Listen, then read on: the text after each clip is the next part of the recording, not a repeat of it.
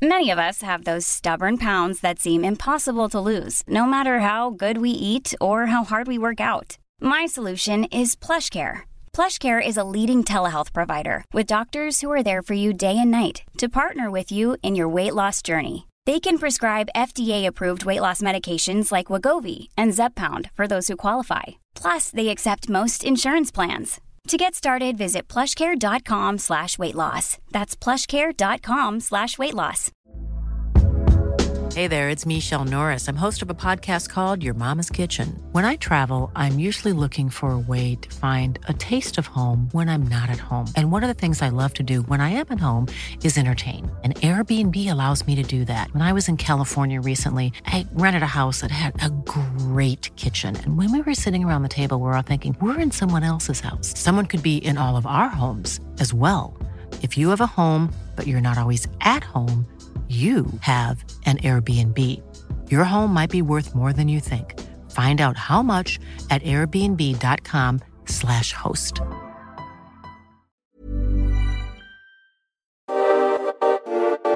Ni lyssnar på Bagge och Brobacke podcast. I 30 minuter varje vecka kommer vi ge vår syn på marknaden med fokus på pris, makro och sentiment. Välkomna!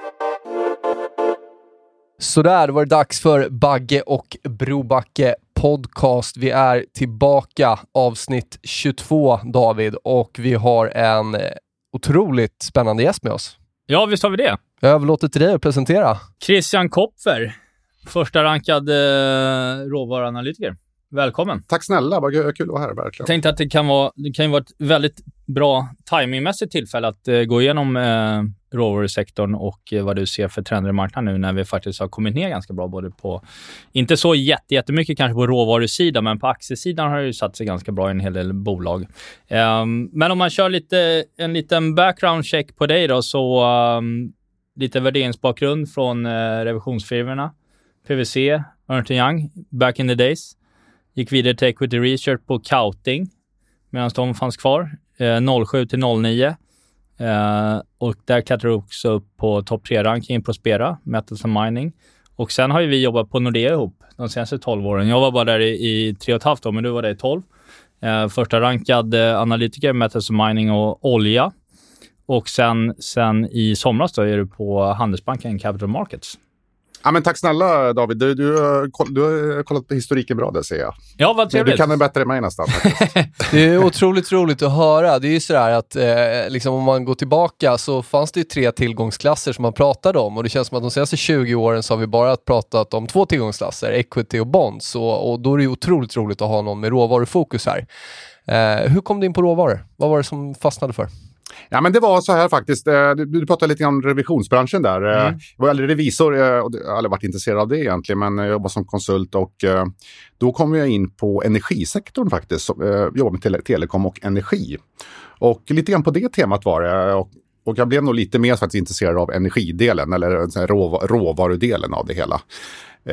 och sen så en väldigt god vän till mig som jag jobbade med började på Kaupling faktiskt som telekomanalytiker. Men han tipsade mig då om att det blev en position ledig som råvaruanalytiker på den då isländska banken. Såg sjukt roligt ut, eh, den där man satsade. Mm. Det slutade inte lika väl som ni känner till 2009, men, men, eh, men då, då på den vägen vart det.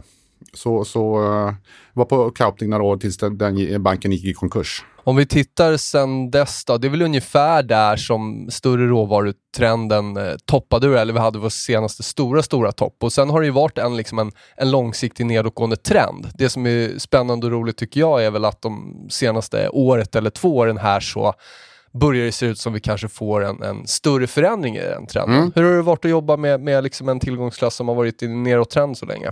Nej, men det, det är så att jag hittar något rätt ord för det här, men det är, det, det är intressant kan man nog säga. eh, det, det, det är, om, om, man, om man vill leta sömnlöshet så har man det svaret där kan man säga. Det, det, det, det är ständig, ständigt och jämt händer det saker. Och jag kommer fortfarande ihåg den perioden 2011 till 2016 som var då en, en så här, ökenvandring i princip. Där, där man undrar när ska det här eländet ta slut? Och eh, vi fick faktiskt, vi gjorde en eh, man kan kalla det mycket för tur eller tillfälligheter, men vi gjorde en, en sådan analys där vi tittade på, är det väldigt hög sannolikhet nu att det snart vänder? Vi gjorde den januari 2016 och precis då vände det upp.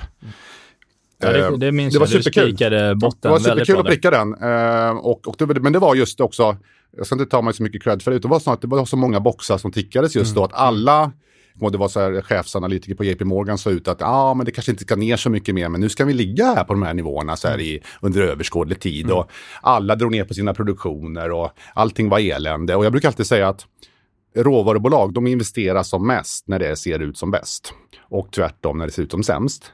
Låter som investerare nästan. Nej, exakt. Eh, och eh, vi hade Alltid dem, långa på toppen. liksom. Alltid långa på toppen och vi hade mycket sådana signaler då 2016 och eh, sen dess har det blivit lite bättre. Nu hade vi en, en topp 2018 och, ehm, och sen har vi en, en kanske en topp nu då.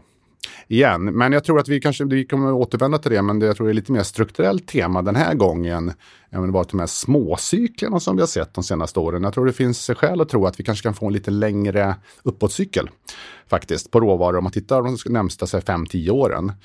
Eh, som påminner lite grann, jag ska inte säga supercykel för det är så laddat ord, men det var ju en supercy- supercykel mellan 2000 och 2007. Mm. Kina. Ja, cykeln. Ki- Kina-cykeln va? Mm. Kommer vi få tillbaka en sån liknande? Det kommer vi aldrig få. Men, men kom, kan vi få något liknande tema med elektrifiering? Ja, det är inte omöjligt faktiskt. Och allokeringarna är ju fortfarande enormt låga till råvaror generellt. Som du säger, även om det har liksom rört på sig de senaste åren här så, så är det ju fortfarande liksom liten del av, av eh, kapitalförvaltarna där ute som, som äger mycket råvaror och det är lite fokus på det och så vidare. Så att eh, ja, det är ju otroligt spännande och timingmässigt också faktiskt om vi bara pratar här nu. Eh, sen egentligen sen i maj så toppade ju inflationstraden och, och de flesta råvarorna. Eh, och nu är det, börjar väl bli lite Eh, lite make it or break it tycker jag i många kontrakt. Mm. Eh, vi kommer köra en market trap sen David, men Mm. eh, du har förberett lite frågor här så jag Ja. tycker vi kan väl hoppa in på dem. Jag tänkte, för det, det, det är roligt att sitta som mäklare med, med dig som analytiker var att du har ju alltid en, du var ju väldigt tydlig på, du tittade ju väldigt mycket hur även aktierna rör sig. Vissa analytiker kanske inte alltid vet att det bolaget man följer är noterat, utan man räknar med på ett värde och sen så bara, oj, har aktien gått så? Det hade jag ingen aning om. Du har ju varit mycket mer under din karriär, i alla fall de sista åren på Nordea, varit väldigt mycket mer liksom timingmässigt, att nu är det rätt att kliva på Boliden, nu ska man liksom sälja den. Vilket gör att det blir väldigt bra, väldigt roligt som mäklare att, att jobba med en sån analytiker. Jag, jag, jag tyckte vi hade väldigt bra liksom, utbyte. Liksom. Ja, tack snälla, vad gullig du är. Det men men jag, jag försöker se, jag tror det har att göra med att jag i, under många, många år har varit ganska aktieintresserad, väldigt aktieintresserad. Så jag tänker mer vad som, vad som ska driva aktien snarare än stirra sig blind på Excel-arken. För det är precis som du säger att och jag ska inte hänga ut några, några, några folk här, men, men det, jag tror det är ett vanligt fenomen på equity research att du har, du har dina Excel-ark som visar ett fundamentalt värde på aktien. Men, men det, var, det var faktiskt min gamla vän och, och kollega Martin Guri som, som hade en, en väldigt bra grej som han alltid drog. Och det var att fundamentalvärde, det finns ju där va. Men, men, men aktien den är alltid på väg förbi där, eller på uppsidan, eller på väg ner. Mm. Fundamentalvärdet, det, det, det, det, det är ett värde som stämmer ibland, var tionde år eller något sånt där. Va? Mm. Men, men, men, men då kan man ju glömma akemarknaden för, förutom man bara tittar på fundamentalvärdet. Mm. Utan det, det är så mycket, otroligt många andra faktorer som spelar in för vad, hur en aktie ska vara värderad Mm. eh, under en lång period. Liksom. Och där, det är en typ av prisrörelse vi pratar om. Den försöker vi fånga upp i liksom den tekniska analysen och graf. Ja men så är det, pris leder fundamenta hävdar jag. Eh, men vi kan väl börja där då, råvaror kontra aktier. Varför ser vi bättre styrka i underliggande råvaror just nu ändå? De håller ihop bättre än aktierna som är kopplade till de råvarorna. Har Ja, du men några tankar där? Ja, det är superbra spaning. Jag, eh, jag brukar säga att eh, någonting som, som, som många glömmer ibland är att rå, nu pratar vi råvaror som metaller, ska sägas då, för det, det finns en stor skillnad mellan basmetaller, eller eh, å, å ena sidan, men också råolja Så är det. och eh, vissa andra eh, börsrelaterade instrument som guld och silver etc. Som handlas på termin. Va? Det du har då de, de, eh, den marknaden som, som ligger på basmetaller och på, på råolja etc. De handlar ju de produkterna med samma information som aktiemarknaden handlar eh, deras produkter. Medan man tittar till exempel på stål och, och sådana saker som är mer, de är mer en, en funktion av eh, bilaterala avtal mellan industriella köpare och säljare. Med det sagt då, så, så, eh, så det blir det en intressant spaning om metallerna i något läge håller emot mycket bättre än aktiemarknaden. Hade en, en väldigt sån intressant situation under när det såg som värst ut eh, mars, april. Jag kommer inte ihåg när börsen bottnade ur exakt mm. om det var mars eller om det var april. Men, men eh, vad jag kommer ihåg däremot, det var att råvaruaktierna och vissa också andra aktier som ligger lite högre upp i värdekedjan tog extremt mycket stryk. Medan eh, sådana metaller som koppar, som är en, en klassisk konjunkturindikator, och även eh, liknande produkter som zink, kanske också nickel, höll emot mycket bättre. Och det är ju ett tecken, tycker jag, när du får sådana situationer. Vad ser metallmarknaden som inte aktiemarknaden ser? Ja, de kanske ser samma sak, men, men aktiemarknaden tenderar att vara mycket mer orolig, mycket mer på tårna eh, ur ett nervöst perspektiv. Och det såg vi då. Och nu ser vi nu eh, en liknande situation. Inte riktigt lika illa, men tittar du på hur Boliden handlas mot mot sin underliggande korg. Och när jag säger korg då är det deras valutaexponering i kombination med metallexponeringen. Så kan man väga den och ritar man upp en graf på den och så plottar den mot aktien. Så kan du se att de under långa perioder går hand i hand, vilket är logiskt. Men under vissa perioder så, så spreadar de isär kraftigt. Och vi hade en sån period kraftigt hänseende 20, 2020 i början under mars-april där. Och nu har vi en liknande situation faktiskt idag. Den uppstod ju inte bara idag, men den uppstod de senaste veckorna. Och det är intressant då den spaningen som ni, var, som ni var inne på här.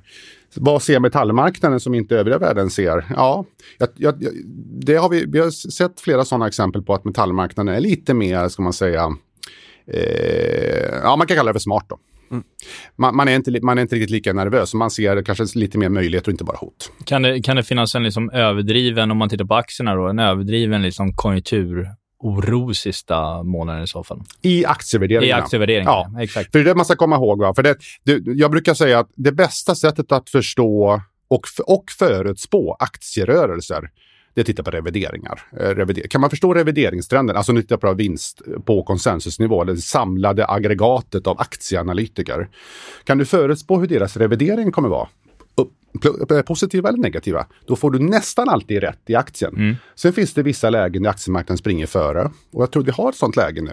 Aktiemarknaden har sprungit mycket, mycket, mycket längre än vad analytikerna har sprungit. Man mm. räknar med kraftiga ned, nedrevideringar mm. i vissa bolag. Lite mer mm. i vissa, lite mindre i andra, men ungefär så. Och lite grann som du var inne på David, jag tror, mm. jag tror det är faktiskt är på spåret. Men tittar vi på exempelvis då Boliden, eh, som du ja. tog upp den. Givet att liksom underliggande, om vi tittar på, på korgen med valuta och, och, koppar och så vidare och deras övriga metaller.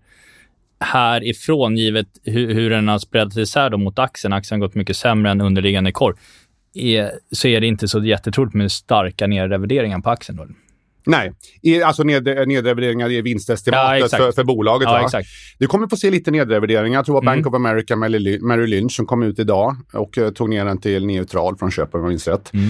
Uh, jag har inte tillgång till den uh, analysen, men jag hörde från någon, från någon kollega här att de hade faktiskt, jag tror de hade lite mer bäsat scenario. Det må vara hänt. Mm. Det, det, det, det, man, det, alla har olika åsikter. Men, mm. men, men, men i grund och botten så revideringstrenderna på dagens priser ska man inte vara så jätteorolig för. Kommer ner lite grann, mm. men aktien har ju tankat rejält. Den har ju, mm. så jag, jag upplever att den är ju på för att prata tekniska, tekniska faktorer, jätteöversålda nivåer just nu. Mm. Och 25 procent ner sen i, sen i maj. Värderingsmässigt då, jämfört med dess eget historik, så att säga? Hur ligger vi liksom? Ja, den är låg. Den är låg. Den är väldigt låg. Men det är snarare ett sektorfenomen, skulle jag säga. Du hittar den på, även på stålbolag idag. Mm. Eh, du kan titta på ArcelorMittal. Nu, nu är de ganska exponerade mot järnmalm eller Rio Tinto, som mm. Mm. väldigt mycket järnmalm eller BOP Billiton. Men i grund och botten så hittar du väldigt låga multiplar mot sin historik. Och så ska det delvis vara om du ligger på priser som ligger långt över snittcykelnivåerna. Mm, mm. Idag ligger vi på koppar på runt sig 9000 och vi kommit ner från topparna här som var för några månader sedan. Men säga snittcykel. Jag brukar säga att snittcykelpriserna på koppar kanske ligger på runt 7000 dollar. Mm. mm. Ungefär, va? Sen, sen, kan det eh, justeras upp med inflation. Men, men, om du ligger långt över det, på zink kanske ligger på 2,5 och vi ligger på 3000 i marknaden idag. Du ligger över mm. järnmalm, från, låg på tidigare på 200 dollar. Mm. Snittcykel kanske ligger på 90. Mm. Och så vidare. Va? När du vi är såna... snart tillbaka dit. Vi är på 100 nu va? Ja, du är faktiskt tillbaka. Nu ja. har det, det total, en total kollaps i ja, princip, kan man snacka om på järnmalm. Och ja. det, jag vet inte om vi kommer in på det senare, men, men, men hur som helst så på multipelnivå så är det naturligt att du ligger, bara på din fråga där David, mm. du, mm. det är naturligt att du ligger på lägre multiplar. Mm.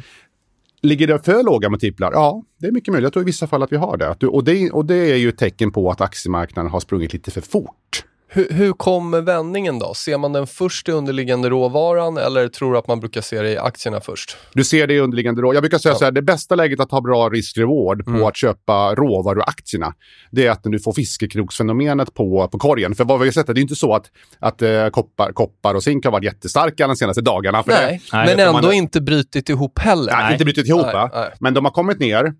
Eh, och får, får, du en sättning på 3-5% på ett par dagar, då blir inte, brukar inte aktierna vara, vara klackan i taket eh, direkt. Så utan, är det, och, då, och, då, då, får du extra fenomen på dem. Men, men, och det, det är ju, och, och an, anledningen är att man är ju rädd för att den kinesiska fastighetssektorn ska, ska, ska brinna upp i princip. Och det är ju en viktig sektor ur ur eh, stål, men också även mycket ur kopparperspektivet. Så det tror jag det, det är en, en, väldigt viktigt att du har haft en väldigt stor sell-off. Mm. Men då har du ju då det intressanta med att kopparmarknaden säger att ah, men lugna, vi, ta det lugnt, vi, eller var, var inte så stressad. Mm. Skulle det kracka, det är klart, då finns det mycket nedsida. Men mm. vad, vad kopparmarknaden säger nu så att ja, men det här det är inte så farligt som aktiemarknaden säger. Mm. Men, men tillbaka till får du en, en, en liten fiskekroksfenomen som vi får idag. Nu får vi lite stimulativa signaler från Kina, mm. etc. Det, det har vi varit inne på att vi ska få också sista veckorna ja. i podden. Helt rätt. det är kul att det, Helt rätt. Det är kul att det spelar ut. Ja, exakt. Och nu vänder vi upp här ett par procent. När jag kollade senast så var vi upp ett par procent tror jag i princip över hela linjen på industrimetallerna idag. Mm. Inte bara koppar, men zink, nickel etc. Och det dag, om du får dig en, en, en dag till, det behöver inte vara 2% men att du inte vänder ner igen. Det är jättebra köpsignal för råvaruaktierna. För då har du dels att de är översålda och så har du vändning på underliggande. Då får du nästan alltid rätt, jag ska säga, i alla fall eh, 90 fall av 100 eller du vet. En TA-kille vi har ja, här i studion. och, och, och, om vi ändå ska prata TA så rent så här, vi har ju gjort en ganska fet svans nu i veckografen i just koppar. Vi var ju ja, en, en, bra bit längre ner. Mm. Eh, men, men nu är vi ju faktiskt, eh, ja, stänger vi här så är det ju liksom ändå en det är ju inte, det är inte en lägre stängning i alla fall. Nej, det är ingen brand på loftet så att säga. Ja, men det är bra. Och sen har du också psykologiskt. Det bröt ju ner under 9000 dollar. Mm. Eh, den kan ni mycket bättre än mig. Men det är klart att det är ju en psykologisk nivå, I guess. Uh, vet, om, du, om du stänger under 9000 dollar kanske. Det var mm. ju en, tidigare var det en sån nivå på 10 000 dollar. Mm. Vet, många, många marknader handlar på de där stöden eller på de mm. där motståndarna. Mm. Mm. Och nu är vi uppe över 9000 igen. Så det tror jag också är ganska viktigt ur ett tekniskt perspektiv. Om vi tittar... Även, bara ta den innan vi går förbi, även mm. ett bredare, om jag sa basmetalls ETF, så ser det ju ut också ha konsoliderat, även om vi har konsoliderat, ja. så ser det ju ut som att vi har ju toppar från 2008, 2010 som ligger eh, i det här kontraktet DBB handlas lite över 20 dollar nu. Du har, du har 5 dollar på uppsidan till mm, mot mm. de här eh, riktigt stora motstånden från 2008-2010. Ja. Så även bredare i basmetaller så ser det ut att kunna vara en konsolidering som faktiskt kan fortsätta mm. eh, på uppsidan. Då. Uh, är, är, det, är det, ligger det med i din liksom, spelbok också uh, att kopparn men även bredare basmetaller kan, kan, kan fortsätta uppåt här under hösten om vi nu får en, liksom en vändning i inflationstraden? Ja, men jag tror det. Framförallt om, eh, och du får en, eh, det är lite grann så det här med bad is good på, makro, på makrofenomenet. Att får, får, du lite sämre makrosignaler att, att så, så, kommer ju centralbanken att blåsa på lite igen. Eh, och det är nästan alltid positivt för industrimetallerna. Så kommer vi in i ett sånt scenario tror jag att då kan vi nog kanske leta, leta oss upp igen. Men jag är alltid lite så här, som råvaruanalytiker har man varit med ett tag, eh, jag är li, alltid lite så här eh, allergisk mot att vara superhåsad när du är du vet, på nivåer som är kanske 100% över snittcykel i vissa fall. Va? Det är lite, lite lurigt ibland, så att det försöker vi undvika att vara så här. Men, men eh, för det, du kommer få en lågkonjunktur, om, det, det, så, det blir, så blir det alltid. Mm. Mm. Kommer den om en månad? Det tror jag inte. Va? Men, men, men eh, det kan nog mycket väl bli så att det blåser, blåser ett tag igen. Och sen eh, tror jag på lite längre sikt kommer du komma in i elektrifierings... Det är min syn. Elektrifieringseffekten på, på, på, på många av flera av basmetallerna. Mm. Spännande. Vad har vi? En Tesla 80 kilo koppar och sånt va? Och 20 kilo en Volvo. Ja, eh, det är exakt faktiskt så. Det är fyra gånger och uh, tittar på riktigt stora elmotorerna. Nu börjar ju brorsan faktiskt äh, Porsches uh, Turismo här, ja. häromsisten. Mm. Och, Trevligt. Den tror jag är... faktum är att man blev lite... det, det är en, en parentes. men, men det var inte så himla roligt som man kunde tro Nej, okay. faktiskt. Nej. Men det, där är det ju, jag tror det är nästan 90 kilo koppar i den, i den bilen. Men ja, det är en parentes. Du, om vi tittar lite eh, annars då, i, i, för du, nu har vi pratat mycket koppar. Jag tänkte att man kanske skulle hoppa in på lite, lite andra sektorer som du tänker också. Um, är det, eller om vi säger så här, är det, är det liksom råvarubolagen som, som alltså vi tänker koppar kopparstål, är det där du ser liksom... Känns de roligare än, än skogssektorn, om vi säger så?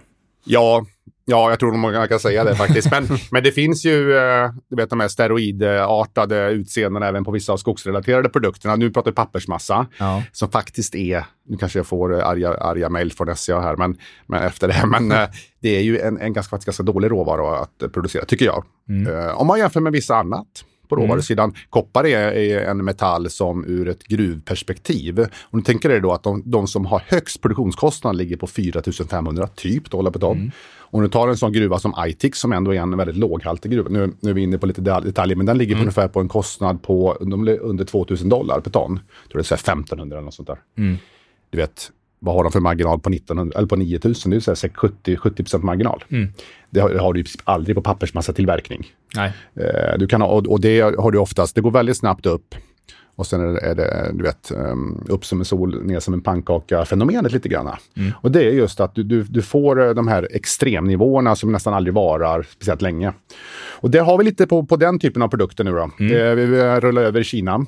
Jag tror det kommer bara en tidsfråga innan, innan det kommer att uh, eh, blir lägre priser i Europa. Mm. Och redan sett det i USA etc. Sen har vi andra produkter. Om du, på din fråga då, vad är det lite tråkigare? Ja, den, den råvaran är ju, är ju ganska rolig då på det sättet då, att den, den rör sig mycket.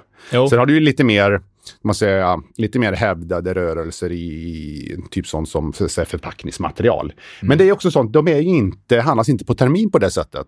Så på det sättet, du har ju inte den så finansiella faktorn som vi har kanske på, på, som vi har på metaller och olja. Så att om vi tänker så här, som, som två basket, så att eh, gruvbolag över skogsbolag på ett halvårs sikt, om vi säger så? Då. Ja, det tror jag. Ja, det, det tror jag definitivt av det skälet att eh, du har faktiskt, har faktiskt nått en liten... Jag snackade med en, en eh, precis när jag kom hit idag, så snackade jag med en mäklare angående SCA som sa, är det inte läge att gå in i SCA nu?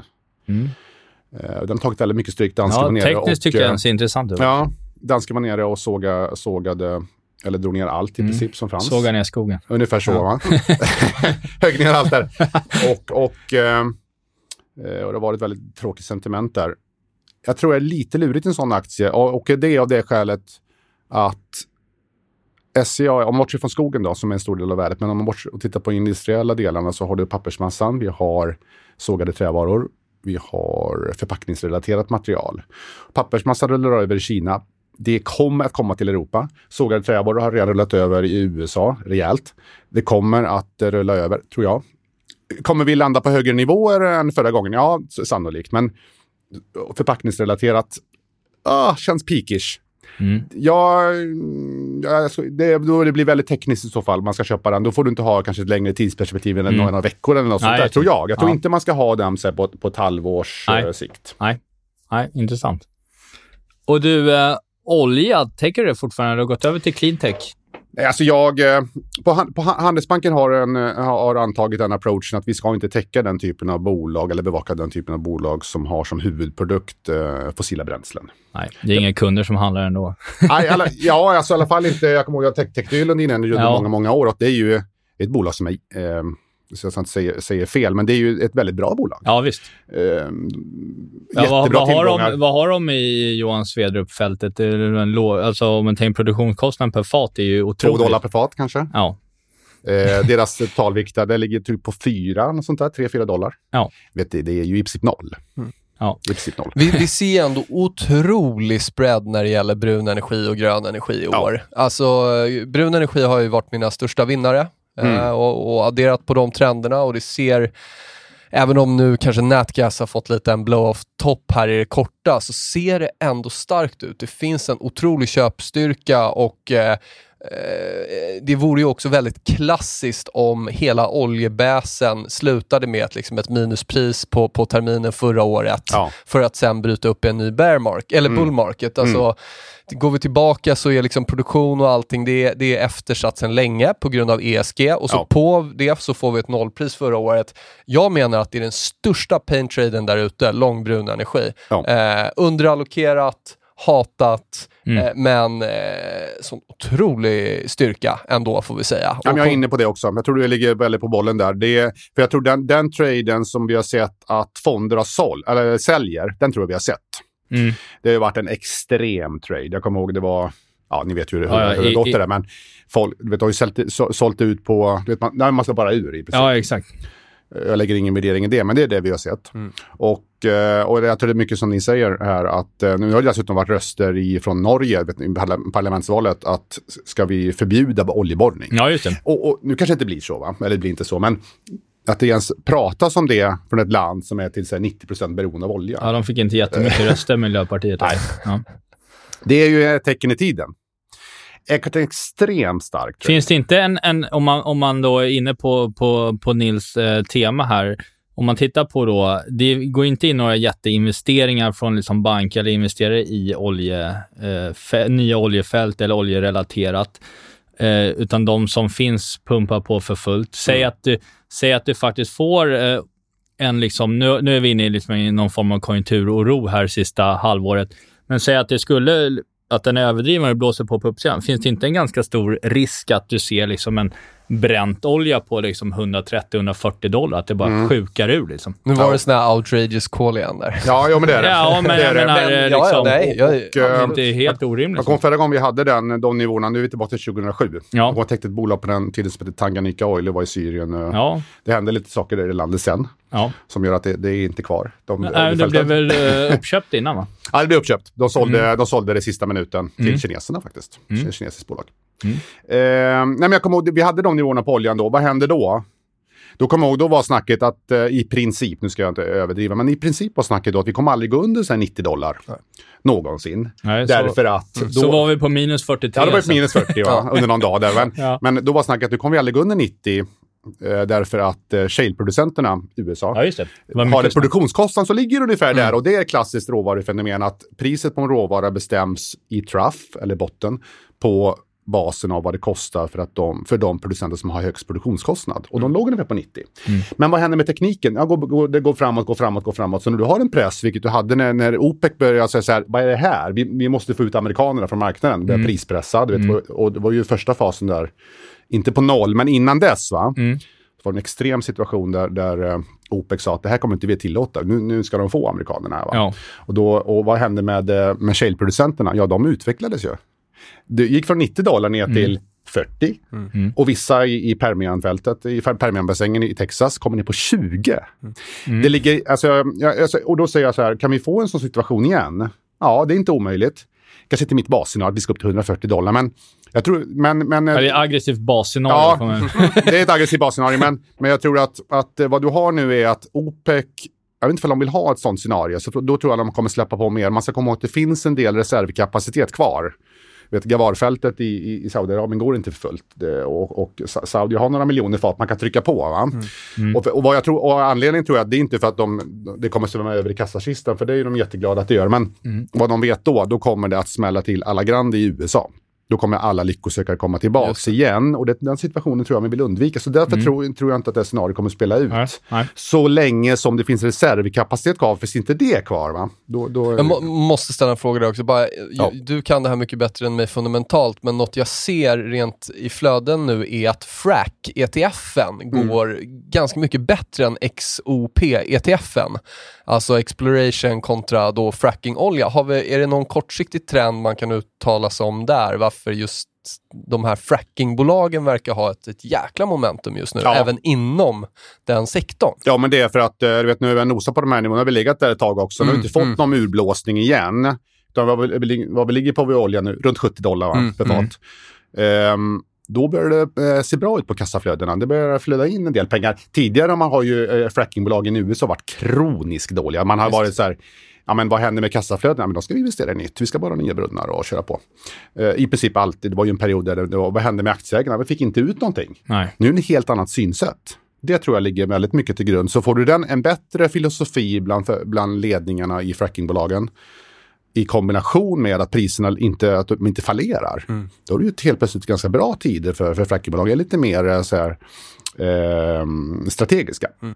Och inte blåser på så eh, otroligt mycket med, med, ny, med, nya, med nya borrhål.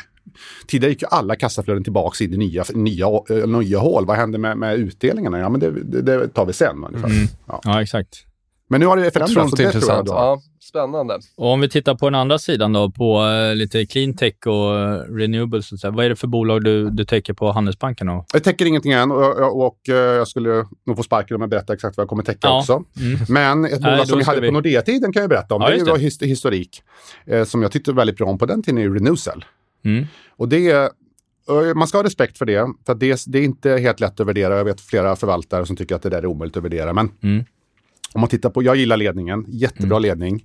Produkten är helt unik. De producerar alltså, du, vad, vad, som, vad, hur det går, vad det går ut på det, du, får, du skickar in gamla kläder i princip och, ta, och tar ut bomullen från kläderna. Så en helt cirkulär produkt. Alltså den skårar allting som finns ur ett, ur ett ESG-perspektiv. Ett sånt bolag tror jag, det kan lätt handlas på 30 gånger vinsten. Och då säger jag, "Ja, men hur, vad bygger du det på? Jag tittar på vad liknande bolag du vet, som, som verkar inom eh, den typen av, eller du vet, typiska gröna bolag. Mm. Och, och har vet- de ska producera 360 000 ton koppar om 10 år. Så jag säger, ja men vad är Nej, det? koppar, kläder. Eh, förlåt, Ja. eh, bomull. De ska också Bomull. in i koppar. Nu är jag inne här på... Eh, det var ingen freudianare faktiskt. Men, det, men, men eh, att 360 000 ton återvunnen bomull om 10 år. Ja. Och så, ja, det låter mycket va? Det är 0,2 procent av fibermarknaden. Mm. 0,2 procent. Det finns ju supermycket möjligheter att växa vidare. Mm. Ehm, och på deras midterm goal, som jag säger, 2020, när man har två maskiner, 360 000 är tre maskiner. Två maskiner, ungefär 250 000 ton. Då kan det bolaget tjäna typ en miljard per år. 30 gånger en miljard, det är 30 miljarder. Mm. Det är ungefär 1000 kronor per aktie. Det är fem gånger aktien vad den står idag. Den står ungefär 200 Mm. kronor. Mm.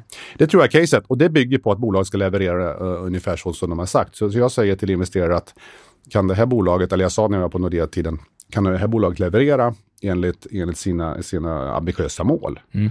Det tror jag är jätteuppsida i den typen av aktie. Superspännande, utan att säga någonting mer vad, som, vad jag har kommit upp Mm. teckningen. Ja, spännande. Min dotter har den där på lång sikt.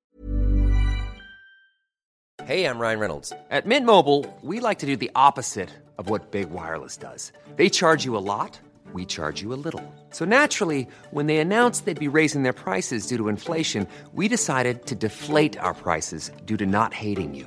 That's right. We're cutting the price of Mint Unlimited from $30 a month to just $15 a month. Give it a try at mintmobile.com slash switch. $45 upfront for three months plus taxes and fees. Promo rate for new customers for limited time. Unlimited more than 40 gigabytes per month. Slows. Full terms at mintmobile.com.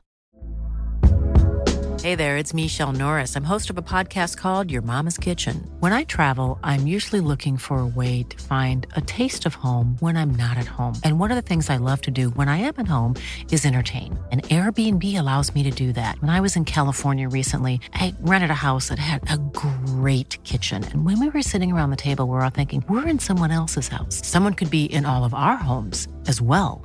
If you have a home, but you're not always at home, you have an Airbnb. Your home might be worth more than you think. Find out how much at airbnb.com/slash host. Eh, när vi ändå är inne på eh, lite grön energi och sådana saker. Jag tittar ju inte på enskilda bolag, men jag gillar att titta mycket på ETFer, amerikanska ETFer. Och då är väl framförallt eh, kika på QCLN, eh, men, men även eh, TAN som är eh, Solar-ETFen då, eller solenergi-ETFen. Och egentligen båda de där kontrakten toppade ju ganska exakt när Biden blev vald och sen har det varit liksom eh, rejäl bäs för att sen egentligen bara handla sidledes. Ja. Och, och, och jag tycker någonstans att när någonting slutar att gå ner, det är ju i alla fall lite ett styrketecken för mig. Och jag ser ju styrkan i den bruna energin som vi pratade om. Då är frågan, kan den här lite renare energin börja komma nu? Mm. Skulle det kunna bli ett bredare energirally här Ja, eh, från de här nivåerna? Jag tror, alltså, jag var, det var kul för att jag var uppe i, eh, var uppe i Kiruna nu två dagar och då var vi bland annat och träffade LKAB. Och man är eh, väldigt säker på hur man kommer öka sin energiförbrukning de kommande åren, på det här temat. Då pratar man alltså en, en ökning av energiförbrukning på typ 50 terawattimmar. Nu är det ett svenskt bolag. 50 terawattimmar och sätter det perspektivet till den svenska energi- energikonsumtionen, elektricitetskonsumtionen som är typ, jag ska inte säga fel, men typ 130 terawattimmar per år. 130-140. För hela Sverige? För hela Sverige. Och L- bara LKAB, bara det bolaget ökar sin förbrukning med 50 terawattimmar på basen av 130-140. Det är en gigantisk ökning. Va, var ska den elen komma ifrån? Det ska komma från, eh, får ju komma från producenterna va? Eh, och helst lokalt, eller du vet, eh, helst domestikt i landet. Så jag tror, tittar du på Norden, supermycket som händer och det är inte bara LKAB utan vi har ju eh, SSAB Mm. som bygger eh, nya el, el, el, eldrivna eh, ugnar. Mm. Vi har eh, Northvolt etc. etc. Vi kan hålla på i Mm. evighet och prata om det. Men, men vad- mitt case är att jag tror du kommer få en, en gigantisk ökning av eh, konsumtionen av el. Framförallt grön el helst då, va? I, Mm. i Norden. Mm. Kan man positionera sig det på ett smart sätt, ja, då ska man vara där tycker jag. För det, det, det, det, och nu har vi redan, tror jag, fått sett en liten försmak på, fått enorm, alltså extrema priser på, på, på el i, i, det här, i den här å, tiden på året är inte vanligt. Nej. Kan det sluta i, i tråkigheter för konsumenterna? Tyvärr, tror jag. Det kan bli väldigt, väldigt höga elpriser. Eh, framförallt om, man, om, om kärnkraften börjar, om, börjar monteras ner i förtid. Ja, precis. Det ska väl inte byggas ut i alla fall. Man... Men eh, om vi, eh, du nämnde SSAB där. Vad, vad säger vi där då? Du kanske inte har tagit upp teckning på den heller, men har du någon åsikt om eh, liksom, aktien på... Ja, men taget, alltså jag är alltid lite allergisk mot situationer som kan, som, som, när man ser att vinstestimaten kommer upp, vilket jag tycker är den absolut bästa drivaren för aktien i nio fall av tio kan vi säga. Men att aktien inte svarar. Mm. Det, det är någonting, och det, det är det exakt det omvända fenomenet. Det, det är till exempel när man hade en sån situation när Stora Enso, ett, ett bolag på, på skogssidan, vinstvarnade för några år sedan och aktien gick inte ner någonting. Va? Mm. Estimaten Så kommer har ner du ju idag i Traton exempelvis. Ja. Volvo är upp på det. och Volvo går upp. Ja. De, är, de situationer tycker jag är superintressanta. Ja. Tyvärr med lite grann för, stål, för stålaktierna så har vi sett nu att estimaten har pumpat på väldigt bra. Aktierna går inte upp på det längre. Nej. Den är, den är seg. Kan det vara så att eh, investerarna tar ut lite för negativt scenario? Ja, jag är nog inne på lite det. Men, men eh, jag kan tycka att SSABs aktie borde egentligen toppat ur långt över sin förra topp och den låg typ på knappa 50. Mm. Eh, Jag tror snart, jag, jag tror det snart, om, vi, om vi backar bandet och säger att det har jag haft fel på, jag tror nog, och jag har inte haft någon riktkurs på det, men rent tematiskt trodde jag nog att det skulle toppa ur kanske på 60, eller något sånt där, 60, 65. Och det har det inte gjort, för den har toppat ungefär på samma nivå som det gjorde förra gången, vilket inte är riktigt logiskt. Så jag tror ju att, att, den, att vi har, Handelsbanken köp på SSAB, men det är lite så här 5 i 12 kan jag tycka. Priserna har gått ner i Kina. Ja, De har toppat och- ur Europa. Om, vi- om vi tittar på Kina-priserna som är halverats sista månaderna. Mm. Vad liksom, eh, kan man inte, om man sätter på sig de, liksom som Martin Gur brukade prata om, de rosa, rosa glasögonen, så skulle man ju kunna, jag kan ju tänka mig att, den, att det blir en, liksom en, en bounce i de priserna, i, i de kinesiska priserna. Ja, och framförallt det som man lyfter fram i det eh, sammanhanget med just järnmalmen, för det vi pratar om Mm, nu, järnmalmspriserna har gått ner från 240 till 110 typ, eller Mm, något sånt där. mm.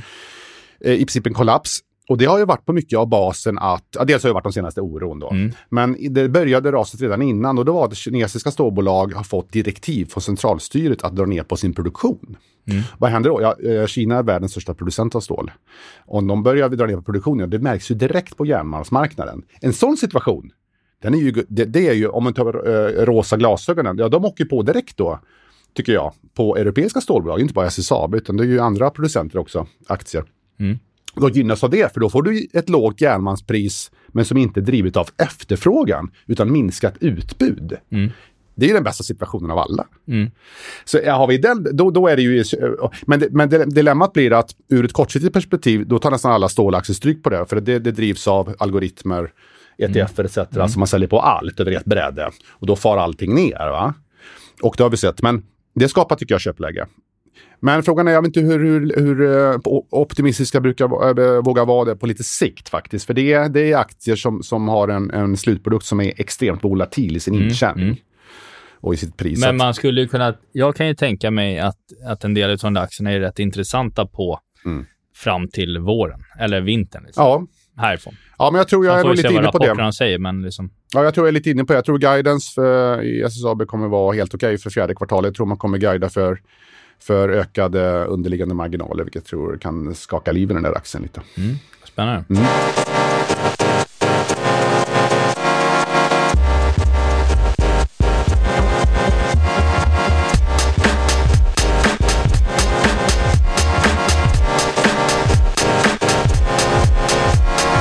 Eh, nu har vi pratat mycket basmetaller och metaller generellt. Några metaller som har haft det extremt tufft.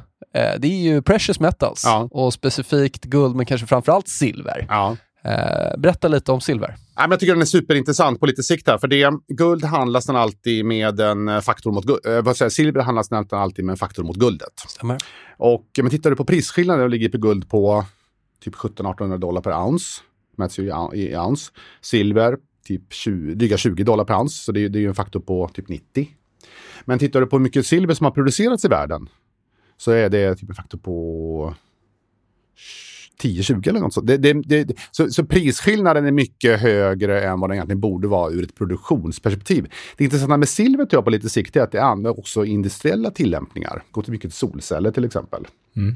Guld, jag är lite allergisk mot den metallen av det skälet att det är ju som jättefina klockor och, och du vet, i, i centralbankernas eh, valv.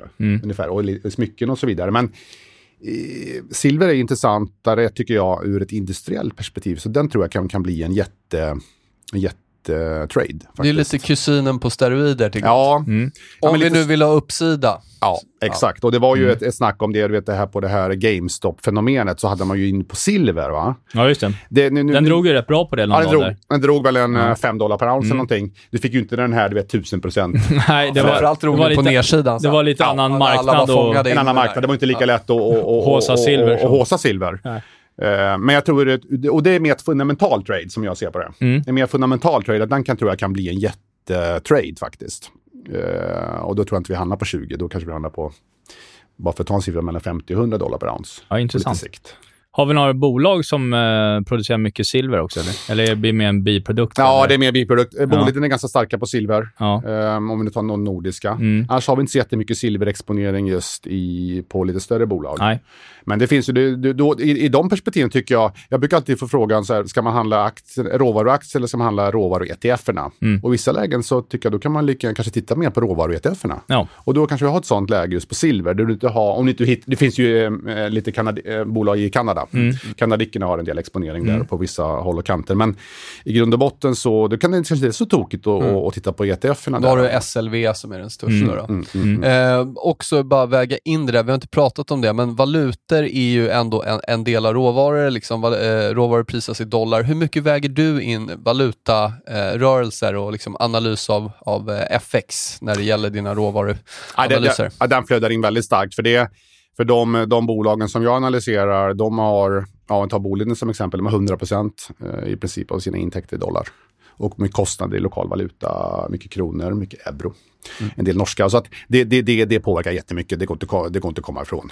Men däremot försöker jag undvika att gå in i någon form av, att bygga ett case på att jag tror att dollarn ska förstärkas eller något sånt där. Dels är det inte mitt expertområde och dels så är det en, en, en valuta som, eller vet, det, det, det är ju en, en, en typ av råvara då kan man nästan säga som är ja, extremt handlad. Inte just kronan, dollarn då, men, men dollarn, euro till exempel. Världens Det- det mest försöker- omsatta tillgång. Ja, ja världens mest omsatta tillgång. Så där, den ska jag inte ta på mig någon hatt. Och, det bygger jag inget case på heller, utan jag brukar snarare titta på då kan man titta på vad är det, långs, vad är det långsiktiga priset dollarn kronan och ha, ha det som ett långsiktigt perspektiv i, i värderingen. Nu är vi inne på fundamentalvärdena. Men annars, typ, de, den korta perioden, säg två, tre år, brukar jag lägga in typ spot. Typ. Otroligt stort tack. Ja. Vad roligt att du kom och gästade. Jättetack. Eh, Ja, tack snälla, vad Sjukt kul att prata råvaror, måste jag säga. Verkligen. Och, eh, kanske blir så blir tillfälle om vi, vi får följa upp det här någon gång i framtiden. Jättegärna. Ja. Ja, det är väl inte alls omöjligt. Nej. Då säger vi så. Christian Koffer, Handelsbanken. Stort tack. Ja, tack snälla. Tack, snälla. Tack.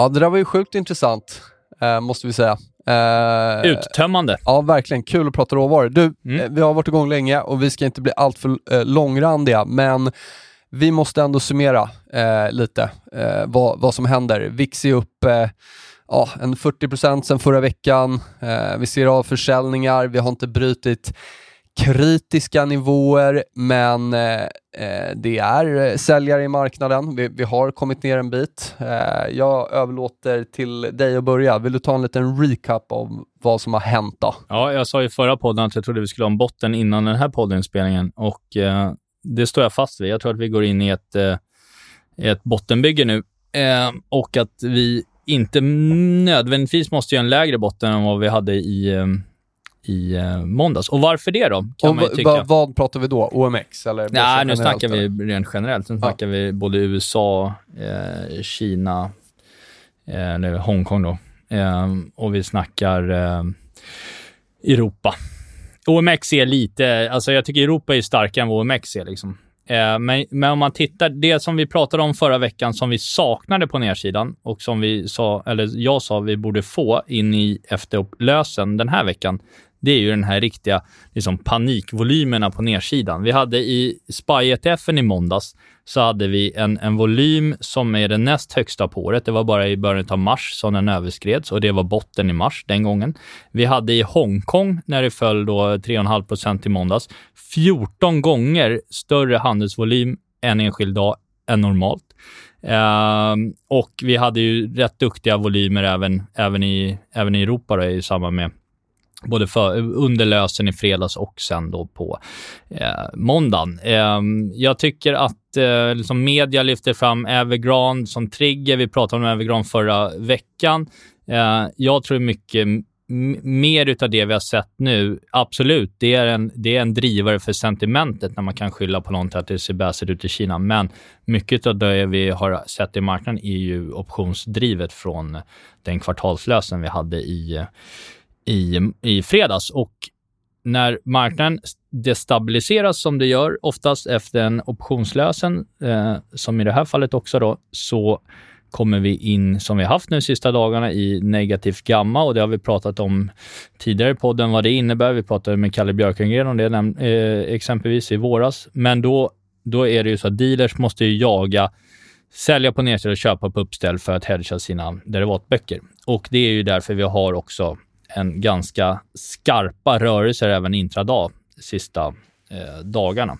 Och det har vi kvar. Det är liksom inte, det är inte över. Och vi har Fed ikväll.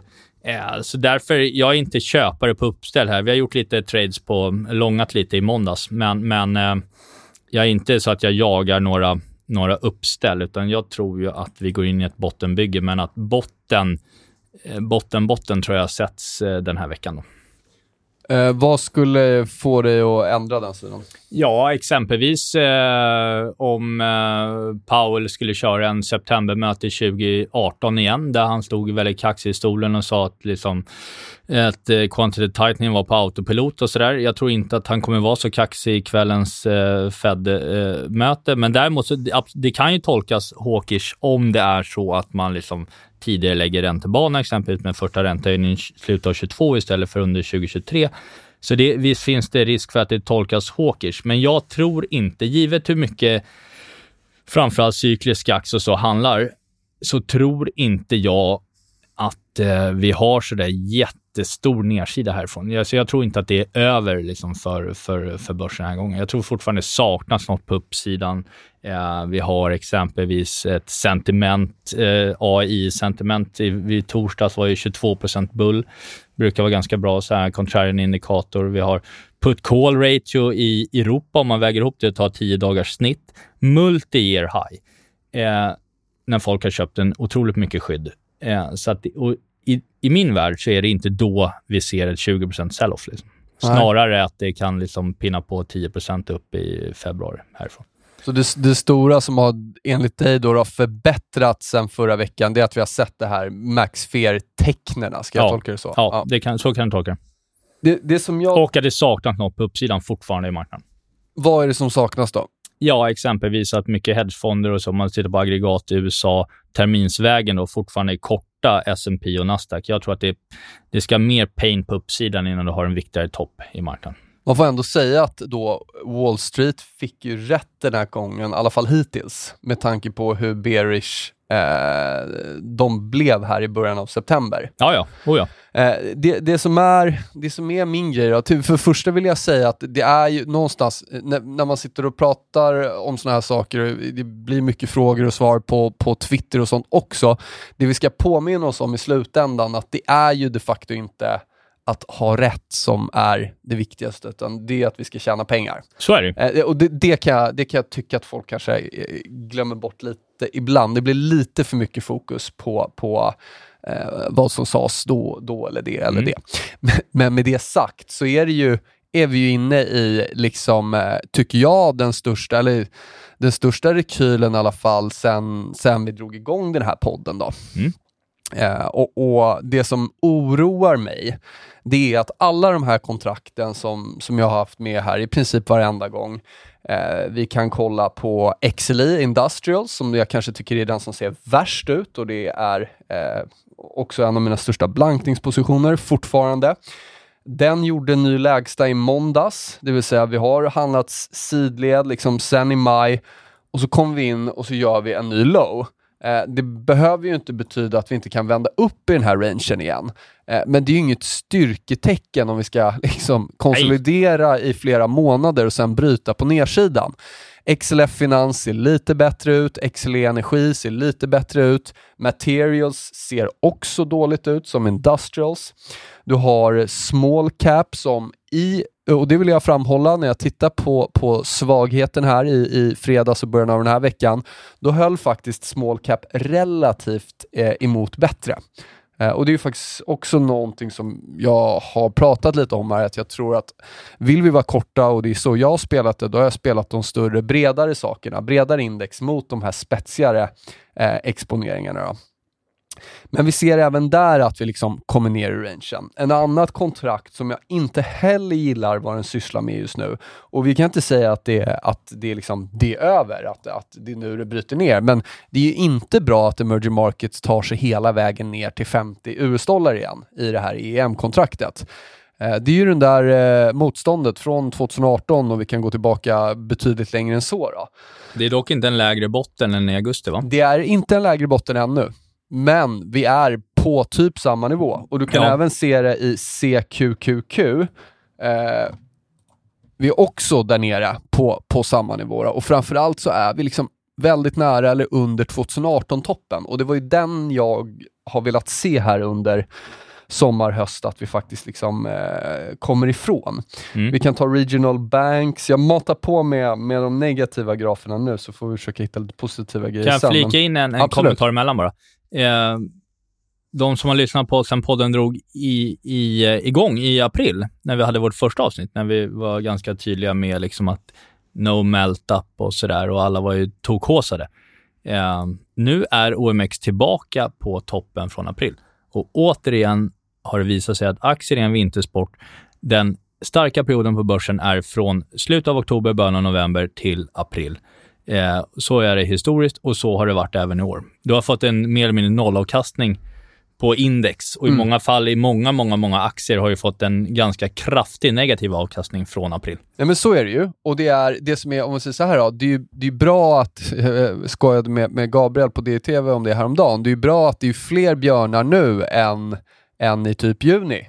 Ja. Eh, för vi är ju de facto typ vid samma nivå. Mm. Eh, mitt case är ju bara, okej, om vi nu har liksom handlas sidled här ett tag och vi kommer ner till den apriltoppen, om vi liksom fortsätter att sjunka under den. Mm.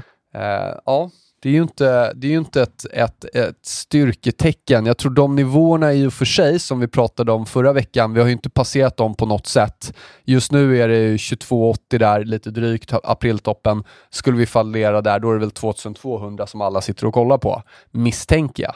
ja, det är det vi har pratat om. Vi sa ju 2280 som liksom någon form av första target. Då skulle den fallera så ska vi längre ner.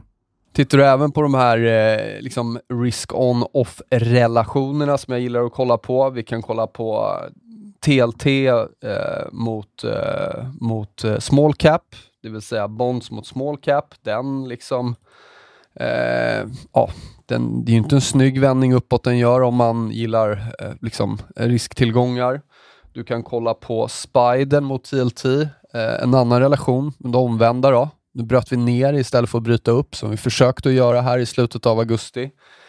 Du har Consumer Staples mot SPY som också är en sån här eh, relation och den, eh, man kan väl inte säga liksom, man kan väl inte avgöra ännu, men den har de facto stannat upp vid 2007-toppen. Mm. Men det är mycket, mycket man tittar på ändå som är, är det är inte några jättestora technical damage om man säger så. Kan jag Nej, tycka. ja, jag hävdar ju att XLI har gjort, det, det var ingen bra Eh, det var ingen bra nedbryt där och göra nya lägsta i den.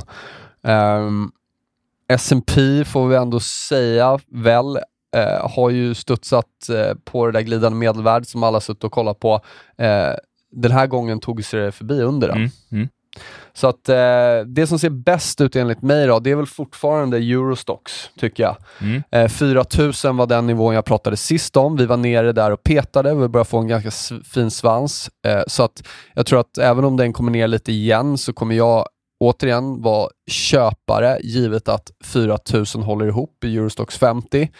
Eh, Sverige är jag fortfarande kort, eh, Industrials är jag fortfarande kort, jag är fortfarande lång VIX.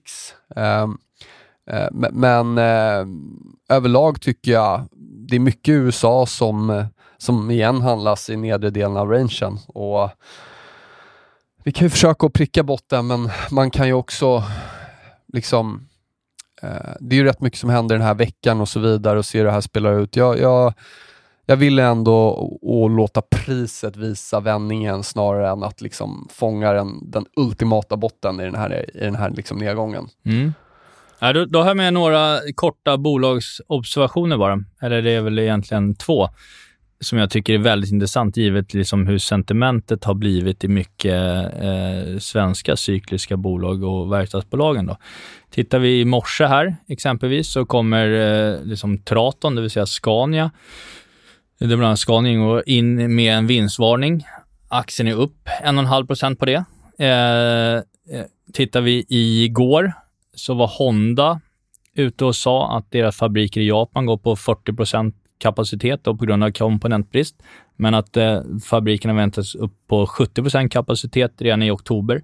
Eh, det är en positiv read för, för Autoliv exempelvis. Honda är 10% av sales, men också generellt i, i, i branschen då att den här eh, truffen på komponentbrist eh, kan mycket väl vara i september här. Och i så fall så kommer många rapporter i Q3, som sagt, de, att de är svaga Q3-rapporter i verkstaden, ja, det är ju ingen snack om saken, därför att man ser ju aktierna också har, i min värld, tagit höjd för det. Då.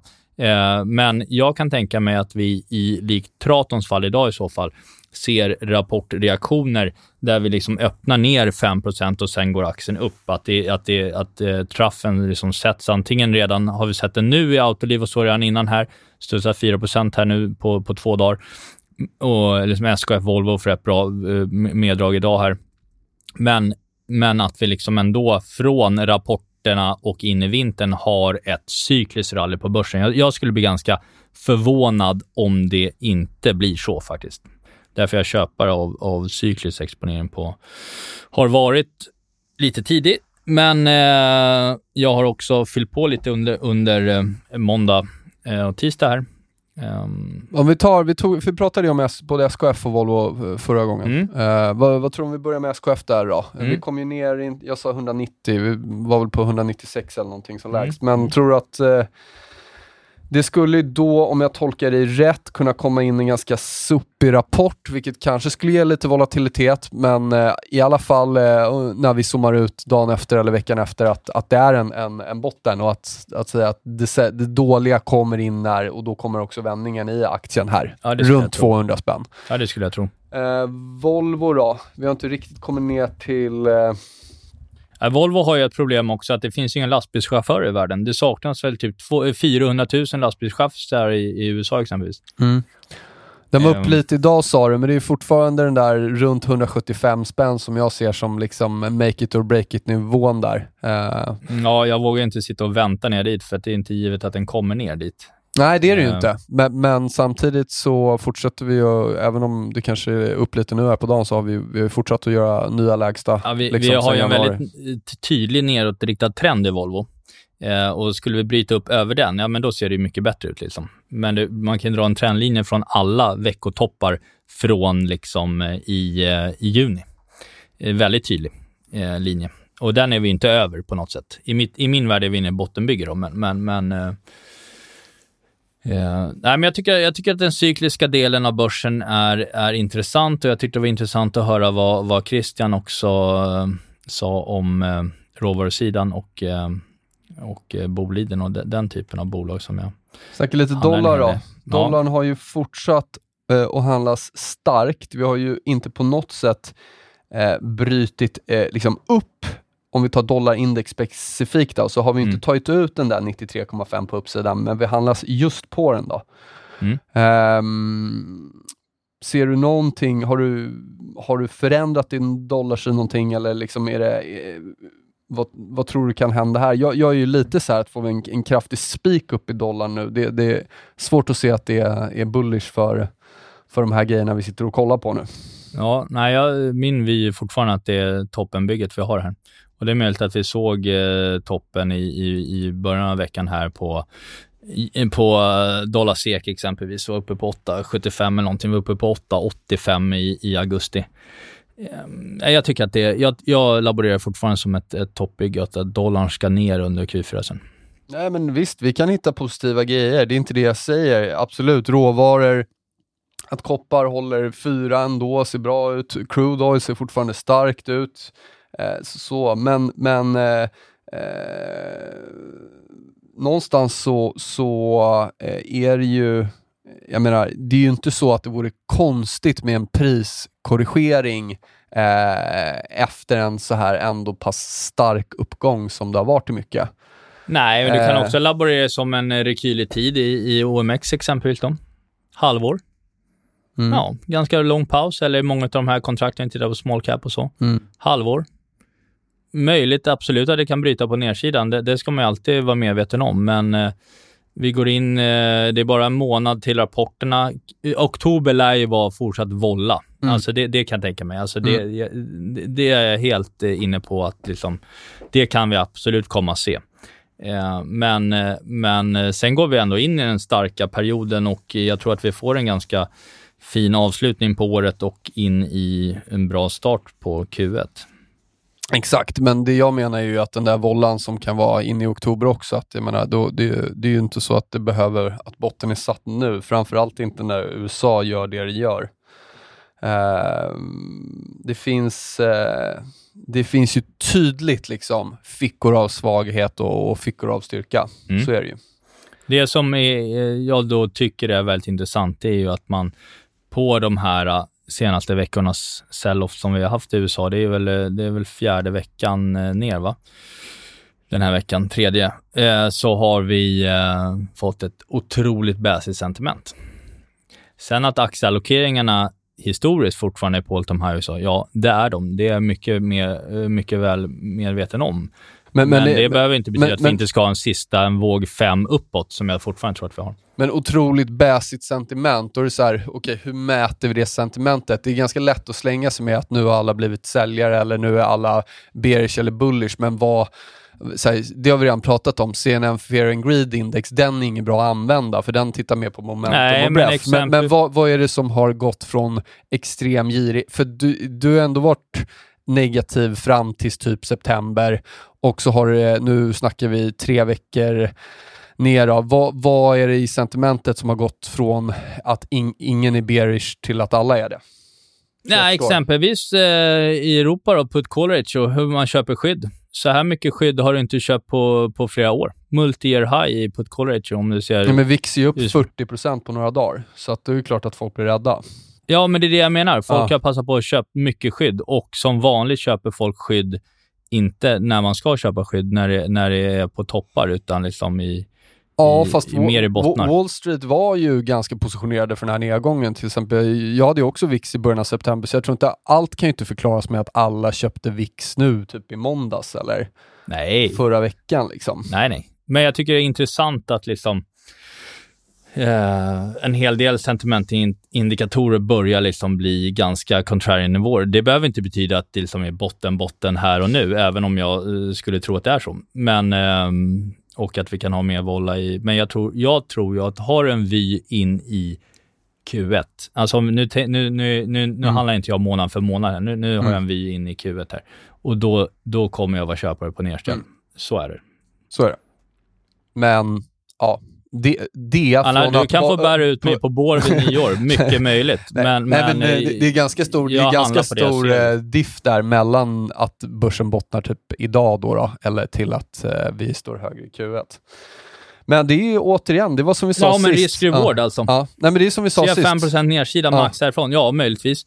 Ser jag liksom potentiellt 12% uppsida? Ja. Ja. Jag ser inte 12% nedsida. Nej, vi får se. Sentiment är bra att använda, men jag tycker pris leder och eh, priset har lätt i alla fall här och jag skulle nog vilja se lite bättre prisförändringar. Eh, Jo, men, da- samtidigt, det är ju däremot, det vi har eh, pratat om, att ja. det ska komma en rekyl och nu har vi, nu har vi Ja, exakt. Men eh, vem vet om rekylen är över? Nej, så är det. Du, eh, vad ska vi säga om krypto då? Fallerade 46 000 i bitcoin där. Mm. Eh, vi var över lite igen och petade. Sen kom vi under och då smällde det på ordentligt brett i krypto. Mm. Kanske finns några grejer som ser lite bättre ut, men eh, jag kommer vidhålla att jag vill inte röra den där, eller bitcoin under 46 000. Jag tycker att det ser ut som att det finns risk för mer nedsida där. Eh, har du någon vy där i kryptospacet? Har inga positioner på alls just nu. Bra. Vi har pratat Kina, vi har pratat eh, brett marknaden, vad som har hänt. Räntor har inte rört sig så jättemycket, så de kan vi lämna därhän. Eh, är det något annat vi ska ta? Ja, jag kan bara säga, om man tittar på säsongsmässighet i september, så i andra halvan i september, det vill säga den vi är inne i, är ju den svaga i, på S&P på, på året, om man ser på data som är 30 år gammal och, eh, år för år. Eh, och eh, då brukar det i den, som jag läste från Goldman, då har du en, en absolut botten eh, kring sista september. Då. Så det är en, vecka kvar då, ungefär. Eh, jo, ska man nämna någonting om Economic Surprise Index tycker jag är intressant. För den är, det är ju hur makrodata kommer in i förhållande till prognoserna i, i marknaden. Då. Och tittar man då på USA så har ju den, väl, makro toppade ju liksom under våren och sen dess så har makro fallit och liksom kommit in sämre egentligen hela vägen ner till för någon vecka sedan. Eh, och även där finns det en säsongsmässighet eh, för den som är intresserad av säsonger. Att det brukar vara så att mot slutet av året eh, så börjar liksom makro komma in liksom bättre. Analytikerna har en tendens att dra ner sin estimat för långt så att makro kommer in och börjar slå. Vilket skulle vara en, eh, kan vara en drivare för råvarorna som Christian var inne på. Då. Eh, men låt se. The jury is still out som du sa förra veckan. Så är det, så är det. Så där då, vi är på onsdag den 22, 12.20 här när vi rundar av den här inspelningen. Kul Mm. att se att ni fortsätter att lyssna och eh, kommentera. Eh, det är roligt. Frågor, funderingar, hör av er till oss. Eh, tycker ni att det är roligt med gäster, säg till och har ni förslag på gäster som ni tror skulle kunna passa in här så ja, får ni gärna skicka dem också. Det är alltid kul att höra. jag tycker i verkligen. alla fall att det var superkul att höra från eh, Christian. Eh, otroligt eh, duktig och ja, det, finns ju, det ligger ju någonting och bubblar i råvaror som eh, om vi skulle kunna få en sån här riktig supercykel igen så oavsett vad man tycker om diverse tillgångar så är det ju dumt att inte kapitalisera på det. Absolut. Så är det. Eh, Så är det. Vi säger så. Tack Yes. för den här gången David. Ta hand om dig. Till Tack nästa själv. vecka. Vi hörs. Tja! Hej då. Wherever I